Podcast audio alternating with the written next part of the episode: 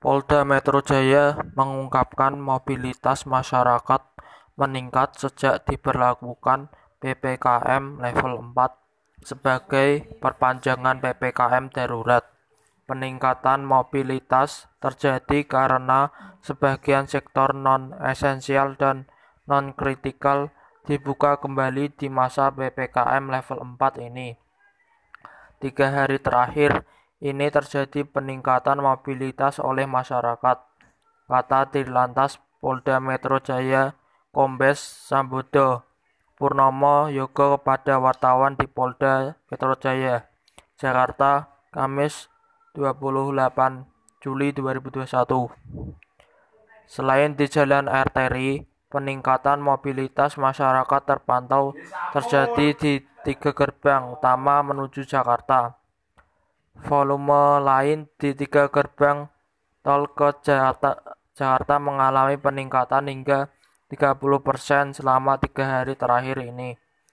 Kalau dihitung dari volume arus lalu lintas dari tiga gerbang tol utama yang menuju Jakarta, yaitu Cilitan, Tomang, dan Halim.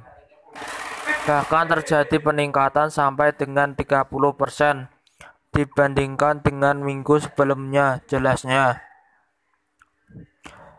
Sambodo menuturkan mobilitas masyarakat meningkat selama tiga hari terakhir sejak PPKM level 4 diberlakukan karena sebagai usaha non-esensial dan non-kritikal sudah diperbolehkan dibuka kembali.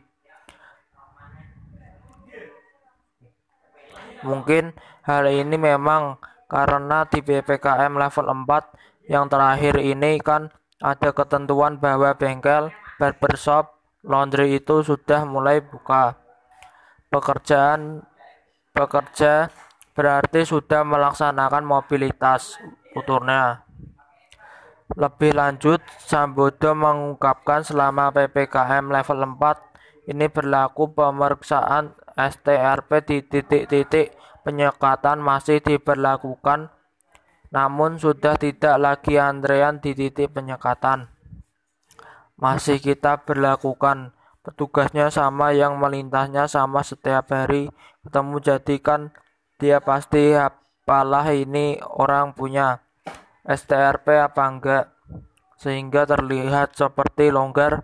Padahal memang dari jauh dia sudah punya STRP sudah menunjukkan dan sudah ketemu, katanya. Yang kedua, ojol kan tidak periksa lagi cukup dengan identifikasinya.